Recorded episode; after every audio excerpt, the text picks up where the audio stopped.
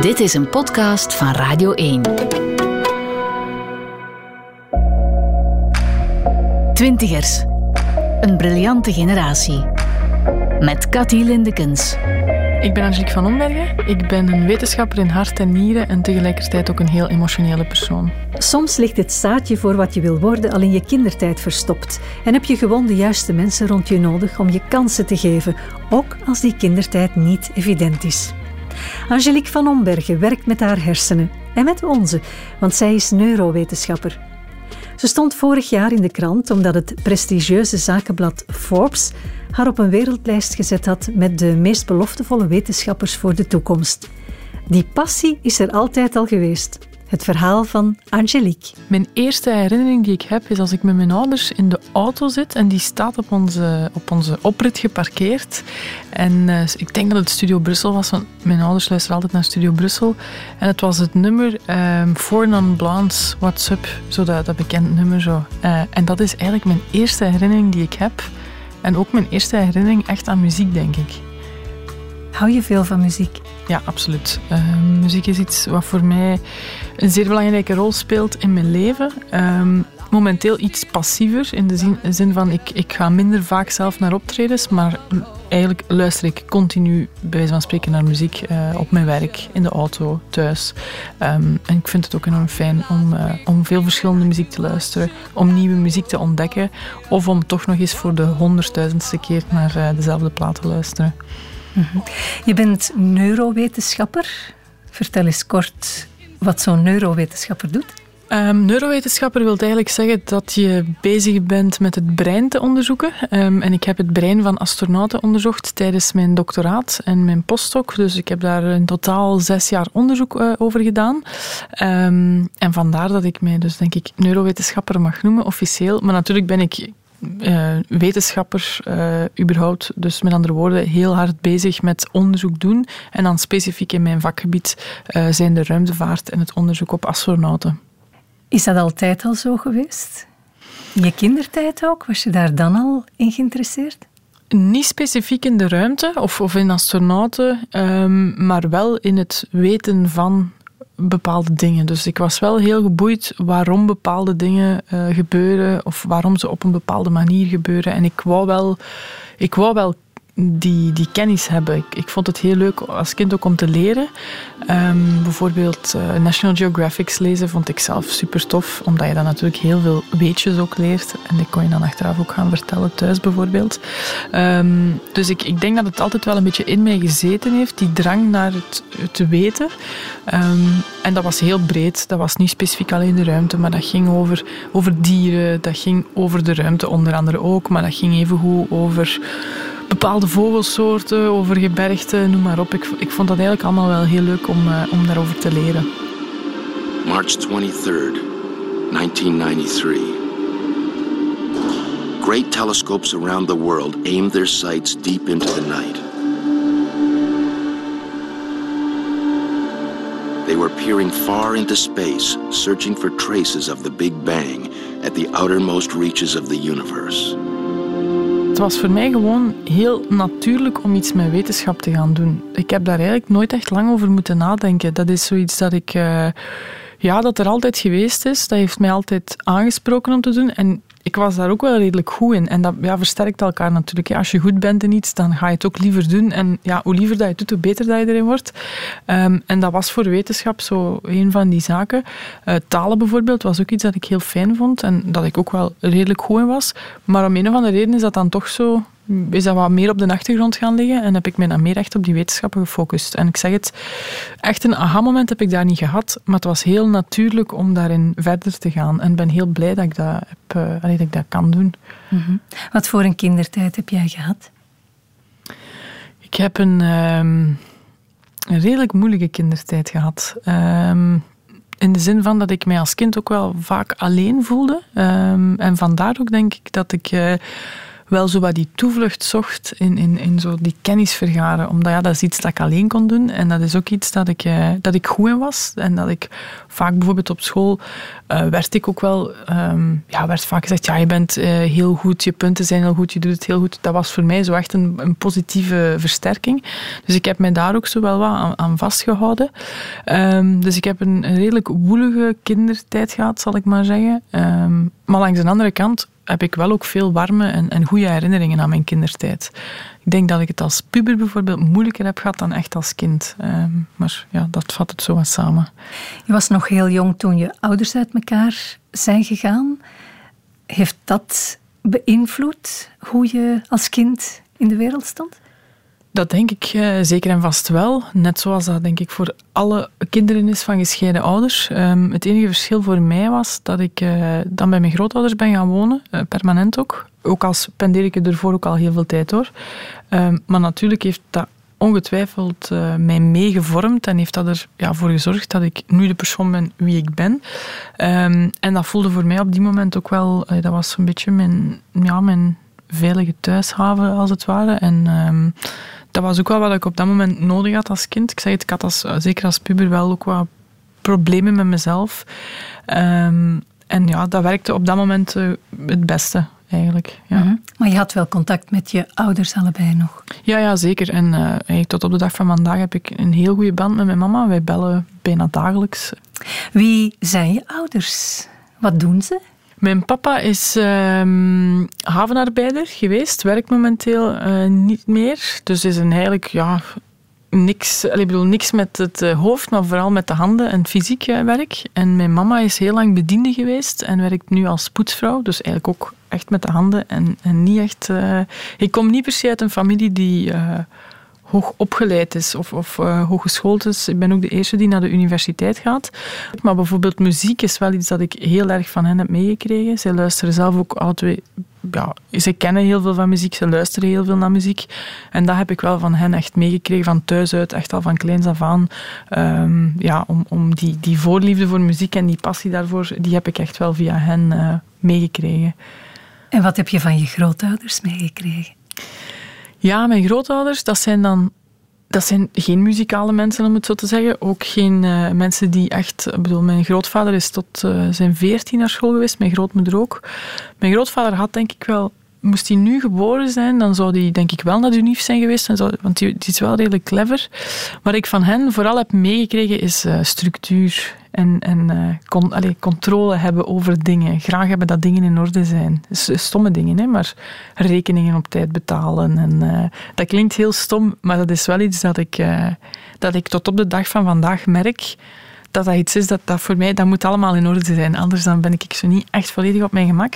En dat is iets dat ik enorm waardevol vind. Vooral ook met mijn job nu, is dat iets dat ik echt wel moet hebben. Dat plannen, dat structureren zo.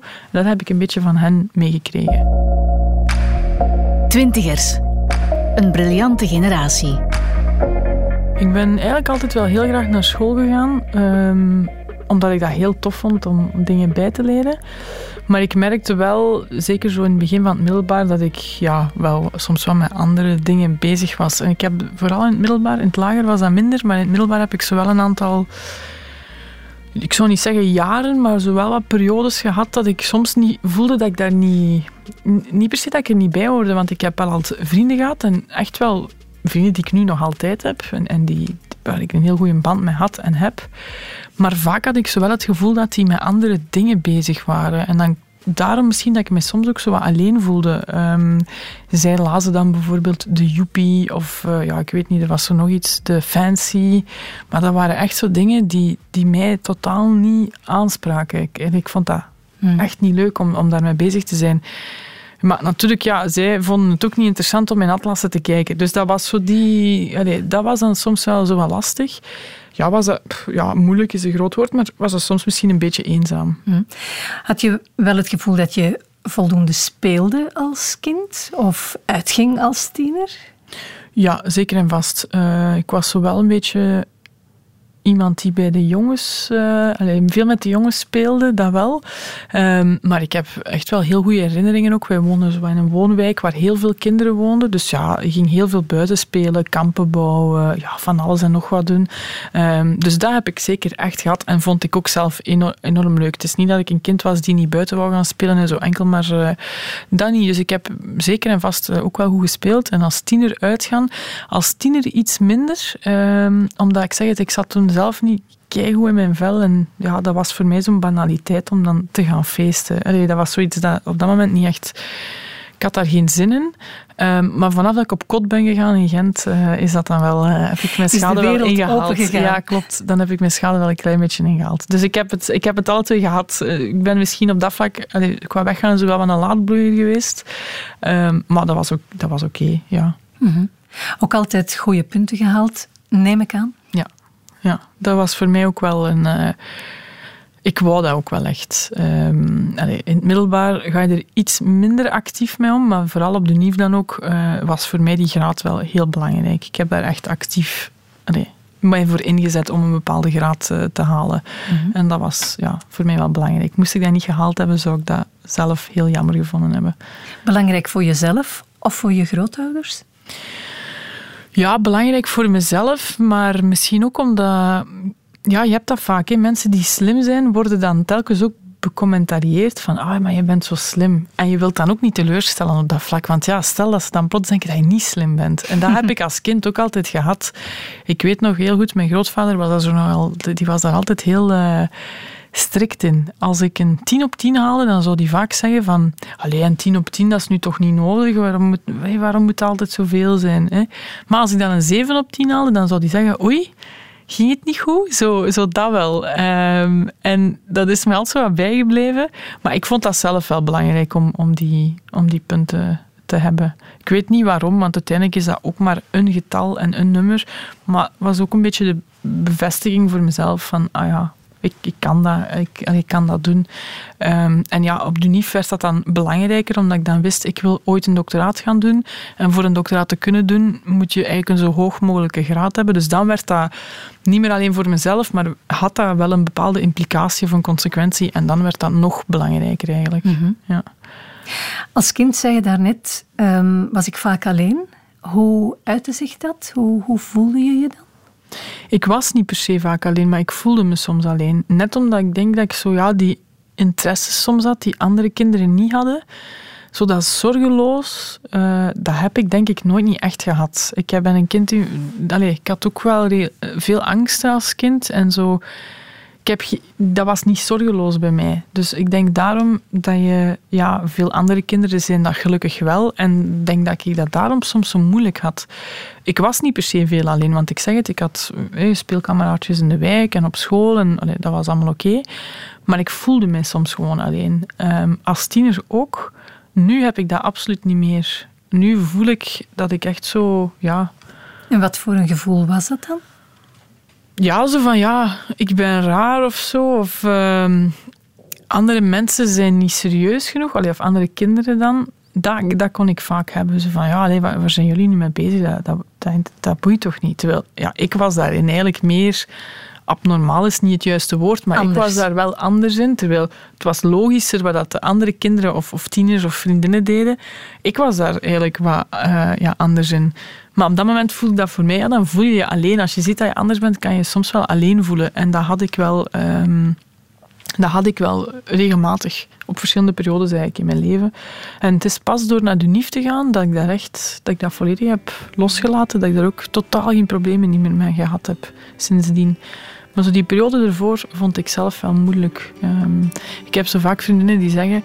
Ja, ik wou, terug, ik wou dat ik terug 16 was. Oh, dat was zo'n zalige tijd. Dat je moest aan niks denken. En uh, ik heb dat totaal niet. Ik zou nooit terug 16 willen zijn. Voor mij was dat echt een lastige, allez, lastige periode, mm -hmm. lastige leeftijd.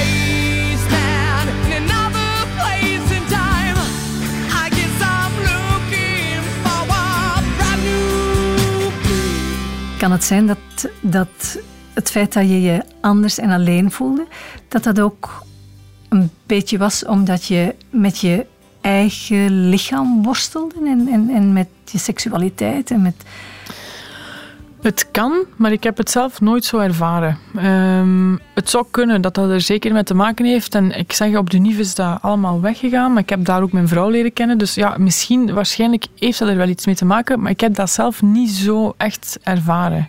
Studeerden jullie hetzelfde?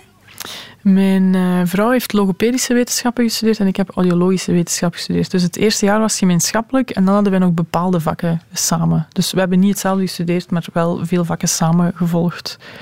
Um, dus daar elkaar leren kennen. Eerst gewoon als vrienden en dan zo ja, na anderhalf jaar zo toch beseffen van mm, dat is misschien toch niet volledig alleen als vrienden. Uh, en dan, ja, kijk, we zijn nu getrouwd, we hebben een kindje, dus uh, mm -hmm. het is ondertussen ook al even gelegen wel, de universiteit.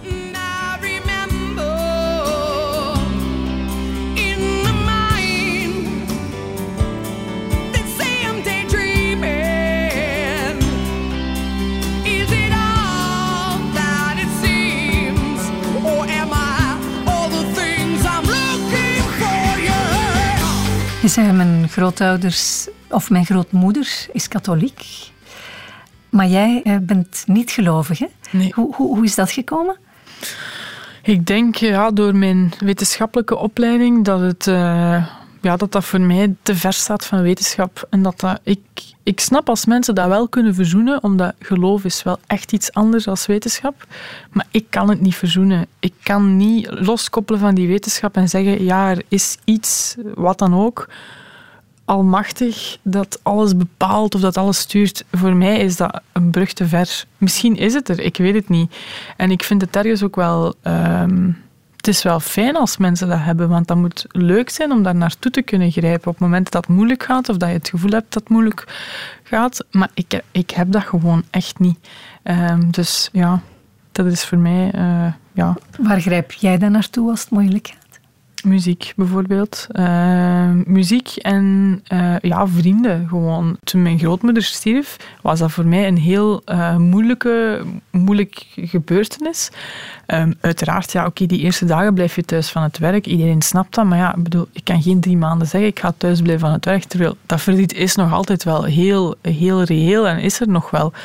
Um, en dan vind, is het voor mij wel goed als ik af en toe eens kan zeggen van oké, nu laat ik mij bijvoorbeeld eens een avond toe om dat verdriet te voelen. Um, en ja, voor mij is dat een persoonlijke manier om daarmee om te gaan.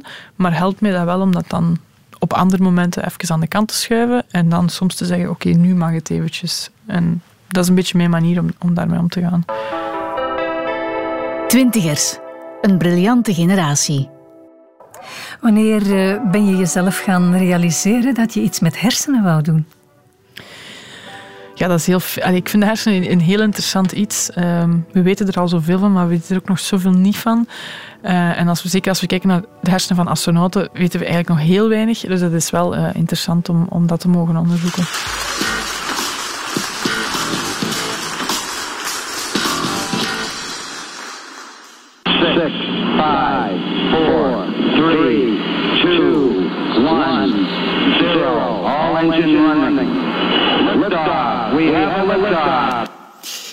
Was Apollo 11 en toen gingen we voor de eerste keer naar de maan. En als we Elon Musk en NASA mogen geloven, wel, dan gaan we in 2030 misschien wel voor de eerste keer naar Mars.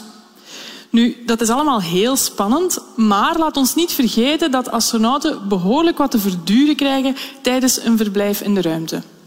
Als ruimtereizen een bijsluiter zouden hebben, wel, dan zou er een hele waslijst aan bijwerkingen in staan. Hoofdpijn, misselijkheid, duizigheid, slaapproblemen, hartproblemen, noem maar op. En dat vooral door gewichtloosheid. Wat was de insteek van jouw doctoraat? Kun je dat eenvoudig vertellen? Ik neem aan van wel, want je hebt de PhD Cup gewonnen. Ja, toen had ik wel drie minuten. Ik ga het proberen korter te doen. Um, de insteek van mijn doctoraat was echt om te gaan kijken. Oké, we weten al heel veel over wat het met het menselijk lichaam in de ruimte gebeurt. De spieren, de botten, het hart, noem maar op. Maar eigenlijk weten we nog niks over de hersenen. En je zou denken, dat is toch wel een redelijk belangrijk uh, iets. Um, dus het idee was, oké, we doen hersenscans voor de ruimte en na de ruimte een hersenscanner mee de ruimte insturen is technisch een beetje moeilijk. Um, en we gaan die scans met elkaar vergelijken om echt te gaan kijken wat verandert er in die hersenen en is dat beter? Is dat slechter? Blijft dat hetzelfde, maar is het gewoon anders? Dus dat was eigenlijk een beetje de bedoeling. En uh, tijdens mijn doctoraat zijn we daarmee gestart.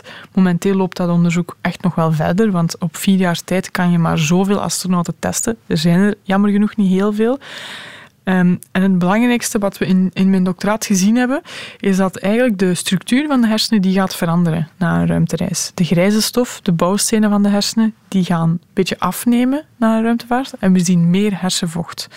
Nu, het is ergens logisch dat dat na een ruimte, ruimtereis verandert. Uh, ruimtereis is een zeer uh, extreme omgeving. Je moet je ook aanpassen. Je moet wel wat dingen anders gaan doen. Maar als we dan zes maanden achteraf opnieuw gingen kijken naar die hersenen, astronauten waren gewoon op aarde, dan zagen we dat sommige van die veranderingen nog steeds zichtbaar waren.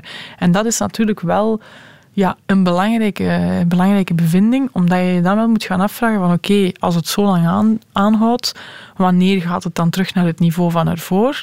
En ehm, heeft het een impact op het functioneren van astronauten? En dat is iets voor, voor toekomstonderzoek eigenlijk, om, om dat verder te gaan uittypen. Mm Het heeft jou bij de NASA gebracht? Bij ESA, ja.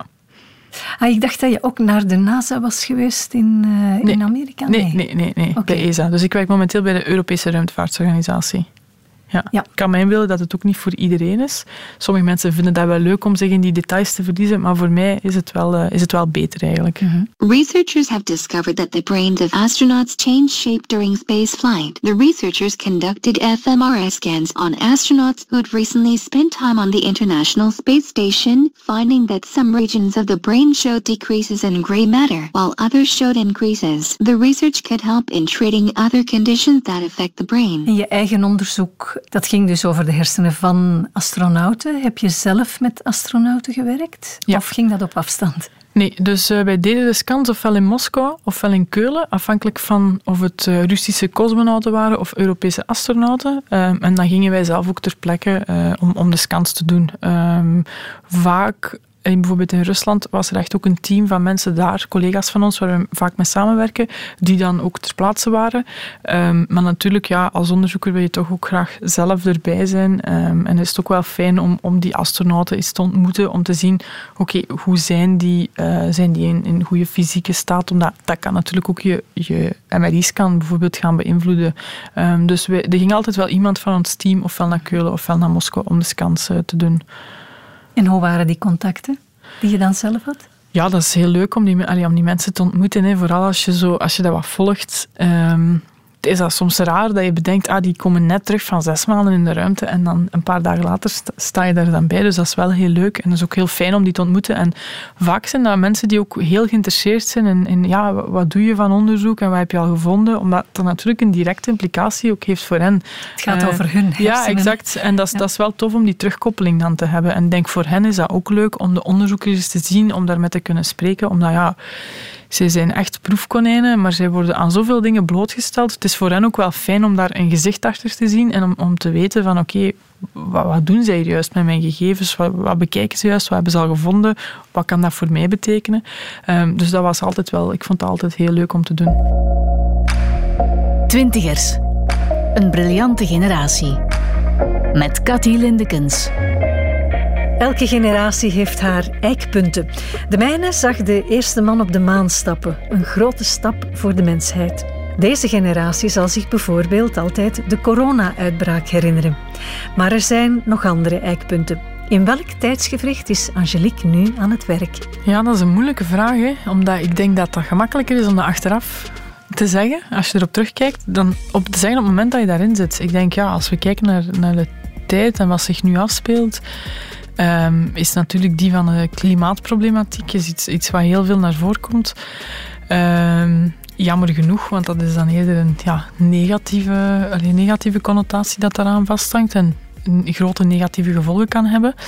Um, voor de rest denk ik dat wij ook in een tijdsgeest zitten waar wij zoveel mogelijkheden en keuzes hebben dat het echt verlammend werkt. En het is een luxe probleem eigenlijk, hè, want wij, wij kunnen bij wijze van spreken alles doen wat we willen. Uh, de wereld ligt binnen handbereik, letterlijk op onze gsm. Um, maar dat zorgt er ook voor dat je dat je door al die keuzes, dat het heel moeilijk wordt om te weten, ja, wat wil ik nu eigenlijk? Of zou dat misschien ook iets voor mij zijn? Of misschien moet ik dat gaan doen. En dat, dat zie ik ook heel vaak bij vrienden die dan bijvoorbeeld um, iets studeren een job starten en dan na toch een paar maanden beseffen, goh, ik, ik doe dit eigenlijk niet graag, ik word hier niet gelukkig van. En dan beginnen zij te twijfelen van, ja, wat moet ik nu gaan doen? En dus ik denk dat dat ook een beetje eigen is aan onze generatie, die, die onzekerheid. En door het feit dat we zoveel opties hebben, dat het moeilijk wordt om, om te kiezen. Um, langs de andere kant ja, is het ook een enorme kans dat je, dat je krijgt natuurlijk om gewoon te kunnen doen wat je wilt. En op het moment dat je zegt, ja, ik doe dit niet meer graag, ja, dat je gewoon eigenlijk echt iets anders kan gaan doen. Um, Toch tegenover die miljoenen keuzes staat ook wel dat jullie zijn opgegroeid tijdens de wereldwijde economische crisis. Ja, Verloren gaan van jobs enzovoort. Ja, maar dat is ook iets moeilijk om voor ons te beseffen als je de situatie ervoor niet gekend hebt. Dat, je, je kan dat op het nieuws zien, je kan dat in cijfers zien, je kan dat in grafieken zien. Maar dat is moeilijk om dat te, ja, internaliseer, zal ik maar zeggen, als je niet weet hoe dat het ervoor was. Vandaar denk ik dat het altijd gemakkelijker is om terug te kijken. Stel, als, als u mij die vraag binnen 20 jaar zou stellen, dan zou ik daar veel gemakkelijker op kunnen antwoorden. Omdat ik dan ook zou kunnen zeggen hoe dat het dan op die moment is en het dan vergelijken. En dat is denk ik iets gemakkelijker. Um, nu, ik vind het zelf wel een heel fascinerende tijd om in te leven. Nogmaals, ik weet niet hoe het vroeger was, dus dat is moeilijk. Maar uh, zeker ook bijvoorbeeld op het vlak van ruimtevaart zitten we nu echt wel op een heel interessant tijdperk. Er gebeurt heel veel, er gaat nog veel meer gebeuren. Um, dus dat is allemaal wel fijn, het feit dat dat kan. Um, maar ja, het, heeft, het, is een dubbeltje op zijn kant, denk ik. Maar ik denk dat dat een beetje eigen is aan elke tijd, uh, mm -hmm. aan, aan elke periode. Er zijn altijd voor- en nadelen aan.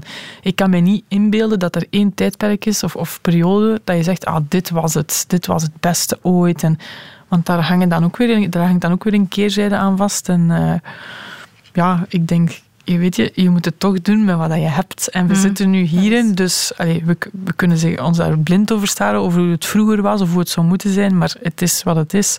Het enige wat we kunnen doen is er het beste van maken. En ik denk dat dat een beetje het belangrijkste is ook om te proberen doen. Ik probeer nu te zoeken ook naar positieve dingen en dat is vaak uh, iets moeilijker. Um, natuurlijk, ja, als je kijkt op technisch vlak kunnen we zoveel, um, hebben we zoveel opportuniteiten eigenlijk. En dat is natuurlijk ook wel iets dat, dat enorm leuk is om dat allemaal te kunnen ervaren. De opkomst van de smartphone. Ja, bijvoorbeeld. Ja, dat is natuurlijk ook de vraag of dat positief of negatief is. Hè. Um, ik denk eigenlijk wel dat dat positief is. Daar wordt vaak ook zo negatief over gedaan. Ik vind dat zelf... Allez, ik zie dat niet als iets negatiefs. Ik zie dat mhm. gewoon als een enorm groot uh, complementair iets aan, aan uzelf als persoon of aan personen in het algemeen. Um, ik ben nu echt aan het denken aan iets positiefs. Ik vind het heel moeilijk om, om zoiets positiefs te maken. Nee, dat is, dat is niet goed eigenlijk. Hè, maar um, ja, er zijn, ik zei het, er zijn heel veel dingen, maar ik denk dat het gemakkelijker zou zijn om bijvoorbeeld binnen tien jaar die vraag nog eens te mhm. beantwoorden. Want je, je, kan, je focust je altijd automatisch meer op de negatieve dingen, jammer genoeg. Of die springen er meer uit en dan kan je heel veel dingen zeggen. Um, maar ik ben er zeker van dat er ook heel veel positieve dingen zijn. Maar daar ga ik dan misschien binnen een paar jaar nog eens op, uh, nog eens op terugkomen. Nine minutes ago, a Soyuz spacecraft blasted into orbit from Baikonur in Kazakhstan. It is now speeding around the Earth 30 times faster than a jumbo jet. It has a single purpose to catch up with, rendezvous, and dock with the International Space Station, located somewhere 400 kilometers above the ground. The astronauts just went through the last phase of the launch sequence, the separation of the Soyuz spacecraft from the rocket. Je krijgt vaak de kritiek van ja, ruimtevaart is zo duur en waarom investeren we daarin? En ja, er zijn zoveel problemen hier op aarde, waarom lossen we dat niet op? En ik vind dat terechte kritiek, daar niet van. Langs de andere kant denk ik dat mensen zich niet volledig bewust zijn wat wij terugkrijgen van ruimtevaart. Um, en er zijn zo oneindig veel voorbeelden. GPS is er een van, aardobservatie is er een ander van. Um, onlangs met de bosbranden, die, die zeer extreem waren. Ja, dan kan je dat gaan gebruiken om te gaan kijken, oké, hoe, hoe, staat het ervoor? Naar waar gaat het? Je, kan daar heel snel op gaan inspelen. Um, en dat zijn allemaal zaken waar mensen zich niet, niet bewust bij zijn. Ze zien dat gewoon als iets, ah, dat kost geld. Dus ik probeer altijd... Uh, dat een beetje te kaderen, omdat, ik zeg het, mensen zeggen vaak dingen, maar dat komt ook uit, uit het feit dat ze niet de volledige achtergrond hebben, dat ze niet volledig op de hoogte zijn van hoe het exact werkt. Mhm. Ehm, en ik denk dat ruimtevaart een heel belangrijk iets is, zeker in tijden van vandaag, om daar toch ook in te investeren. En uh, wij gaan er dan voor zorgen dat het natuurlijk zo goed mogelijk rendeert voor iedereen. Dat is een beetje de bedoeling natuurlijk. Good morning to the International Space Station. Today Me, Frank de together with my international crew, we are ready for another busy tasking day in the International Space Station. Astronauten die laten zich eigenlijk geheel vrijwillig blootstellen aan een zeer extreme stimulus. En het is natuurlijk heel interessant om te gaan kijken van oké, hoe gaan de hersenen daarmee om? Hoe passen die zich aan? En in C zijn hersenen heel goed om zich aan te passen aan andere situaties. Um, nu, ik denk dat we dat zeker ook breder mogen trekken, niet alleen naar de hersenen, maar in het algemeen. Door astronauten te onderzoeken, kunnen we heel veel lessen trekken voor patiënten, ook hier op aarde, of gewoon in het algemeen het menselijk lichaam beter gaan begrijpen. Um, astronauten zijn een heel interessant leermodel, omdat je daar de luxe hebt dat je hen voor, tijdens en na kan testen. Bij een ziekteproces kan je dat nooit niet doen, want je weet niet wanneer iemand ziek gaat worden, dus je krijgt meestal enkel ja, de tijdens of de na. En dat, dat zorgt ervoor dat je, ja, je hebt geen voor. Dus het is heel moeilijk om, om je kan dat doen, hè. je leert daar heel veel uit. Maar het mooie aan de astronautenmodel is dat je voor, tijdens en na hebt. Je kan heel gecontroleerd gaan testen. Um, en natuurlijk is dan ook de bedoeling dat je die kennis gaat gebruiken om bijvoorbeeld patiënten op aarde verder te helpen. Om een voorbeeld te geven, um, waarvoor het astronautenmodel veel gebruikt wordt, is osteoporose. Een ziekte die ervoor zorgt dat je, dat je botten uh, brozer worden. Um, daar kunnen we van astronauten heel veel leren om dan uiteindelijk beter patiënten hier op aarde met die ziekte, om die, om die beter te kunnen helpen. Maar het komt ook terug als je bijvoorbeeld bepaalde uh, patiënten hebt hier op aarde en je weet dat astronauten gelijkaardige dingen ervaren in de ruimte, kan je misschien de therapieën die je bij die patiënten hier op aarde gebruikt, kan je die misschien bij astronauten gaan toepassen. Dus dat is eigenlijk een continue kruisbestuiving tussen die twee. En um, ik vind dat ook iets heel belangrijk om te doen, om ergens die terugkoppeling echt wel, wel te gaan doen. Uh, zodanig dat je niet alleen astronauten vooruit kan helpen, of niet alleen patiënten, maar gewoon beide. En mhm. dat vind ik, uh, zelf, allee, vind ik zelf heel belangrijk om die terugkoppeling te blijven maken. En kan het ook van enig belang zijn in bijvoorbeeld het uh, onderzoek naar Alzheimer, wat toch wat vastgeraakt is? Dat denk ik dat we op dit moment dat dat nog veel te ver is. Um, het, het, onderzoek bij astronauten is. Uh, ik, ik, zie daar niet direct een, een, een, link in, maar misschien binnen tien jaar wel, dat weet ik niet. Um, maar het is zo dat de ruimte, ik zeg het is heel specifiek Vooral ook omdat je een aantal uh, fenomenen hebt die je enkel in de ruimte hebt. Uh, om, om, het nu specifiek over de hersenen te hebben, hè, is het feit dat er bijvoorbeeld meer vloeistof naar het bovenste stuk van het lichaam gaat, meer vloeistof in het hoofd. Ja, dat is, dat is iets dat je niet in een gewone situatie hier op aarde ziet. Um, dus in dat aspect is, is het eh, ik spreek over het feit dat het heel belangrijk is om die terugkoppeling te doen, maar je kan dat niet zomaar voor alles doen. Um, en je moet, je moet daar ook een beetje voorzichtig in zijn.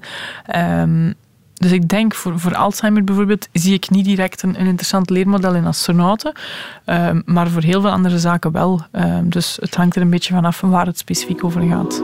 Do take advantage of the opportunities and capabilities that are available for your research and development to further grow and extend your achievements. Do take the next step, the step to space. Twintigers, een briljante generatie. Je hebt een hele weg afgelegd. Ja, je hebt een, een, een mooi parcours afgelegd. Zijn er mensen die op dat terrein heel belangrijk zijn geweest voor jou? Ik, ik had enorm uh, veel last van faalangst wel toen ik startte aan UNIF omdat, ja, we hebben het daarnet gehad over punten en scores. Dat was voor mij heel belangrijk om die bevestiging te krijgen. Maar soms werkt dat ook wel heel verlammend. In de zin van, ja, dat je, ga ik het wel kunnen? Ken ik het wel goed genoeg? Ja, ga ik wel genoeg hebben? Um, en ik weet dat mijn vrouw op een bepaald moment eens gezegd heeft van, kijk, je gaat morgen je examen doen. En als je het niet voor jezelf doet, dan doe het gewoon voor mij. Maar als, als je het niet voor mij doet, als je niet gaat, dan ga ik echt kwaad zijn. Ik ben uiteindelijk gegaan toen. Ik had ook goede punten toen. En dat was voor mij echt zo'n een, klik dat ik toen gemaakt heb. Van ja, eigenlijk... En dat is zo telkens echt een beetje beter en beter en beter beginnen gaan. Um, dus zij heeft daar een enorm belangrijke rol in gespeeld. En speelt ook een belangrijke rol nu. Omdat ja, zij steunt mij ook op heel veel van die dingen. Want ja, mensen kijken vaak naar de de dingen die je bereikt. Maar de weg daar naartoe wordt, zie je vaak niet. En de weg daar naartoe is ook een weg van veel falen en veel onzekerheid en veel ja, avondwerk of weekendwerk of soms zelfs nachtwerk en veel ja, ergens ook wel opofferingen maken soms. Ehm, en dan heb je wel een partner nodig die dat ook ondersteunt en die, die, allez, die zegt van oké, doe maar, ik weet dat dat belangrijk is voor u. Of ja, doe maar, ik zal ik wel voor dit zorgen, zodat jij daar geen zorgen over moet maken. Ehm, en ook dat vind ik absoluut geen evidentie dat zij dat doet. Um, mm Omdat zij is zelf ook redelijk ambitieus. Zij, zij wil zelf ook, ook veel dingen. Um, bijvoorbeeld nu met mijn job bij ESA, ja, dat is in Nederland. We zijn verhuisd naar Nederland. Uh, tijdens de werkweek ook wonen wij ook daar. En mocht zij dat niet, mij daar niet in steunen, ja, dan kan ik dat ook gewoon niet doen. Mm -hmm. Kun jij er op die manier ook voor haar zijn? Ik hoop het. Ik hoop dat ik dat kan doen, maar ik, dat is iets dat ik mij vaak... Schuldig is een groot woord, maar ik, het is wel iets dat ik heel bewust om wil zijn. En ik, ik, ik, hoop dat ik dat ook genoeg tegen haar zeg. Van ja, ik, ik, allez, ik apprecieer enorm dat je me er zo in steunt. Um, dus ik hoop dat zij ook het gevoel heeft dat dat, dat, dat wederzijds is. Um, maar dat is, ja, dat is niet gemakkelijk. Um, en uh, ik zeg het, mocht zij er niet zijn, zou ik dat echt niet kunnen doen gewoon. Mm -hmm. Jullie zijn samen mama? Ja, klopt. Ja, dat is ook zoiets. Hè. Dat is ook moeilijk. Hè. Zeker als je dan een, uh, ja, professionele ambitie hebt en uh, toch wel ja, redelijk wat tijd spendeert voor je job, maar ook uh, extra, allez, extra dingen doet. Bijvoorbeeld voor mijn wetenschapscommunicatie en al die zaken. Um, dat vraagt toch best wel wat tijd. Ja, en dan, dan is dat een kindje en dan wordt dat wel ook moeilijker. En ik merk ook voor mezelf dat dat wel een... Um, een balans is die ik steeds vaker begin te maken van ja, is het het wel waard dat ik daar dit op voorop geef of dat voorop geef. Um, maar het is langs de andere kant, allez, ja... Ik, het is ook een beetje aard van het beestje. Het is moeilijk voor mij om mij direct zo te gaan zeggen ja, ik ga nu niks niet meer doen en ik ga het gewoon 9 to 5. Dat, dat ben ik niet. En dat wil ik ook niet opofferen voor voor een kind, omdat ik denk dat het belangrijk is dat hij mij ook ziet. Dat hij ziet dat ik gedreven ben en dat ik gelukkig ben en, en dat ik gepassioneerd ben door de job die ik doe. Maar langs de andere kant, ja, als ik soms in het buitenland zit voor mijn werk, vind ik dat wel heel lastig dat ik niet bij hem ben en dat ik hem ja, dan een paar dagen niet zie.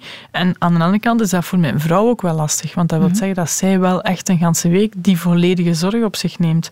Um, dus dat is echt een moeilijk, moeilijk evenwicht. Maar ja, ik ben zeker niet de enige die het daar soms uh, moeilijk mee heeft, denk ik. En ja, zolang als we een manier vinden waarop dat, dat werkt voor ons als gezin, denk ik dat dat, dat, dat wel oké is. Ja. Ondertussen uh, sta je op de grote Forbes-lijst uh, van 30 uh, jonge wetenschappers onder de 30. Dat legt toch ook wel wat druk, neem ik aan?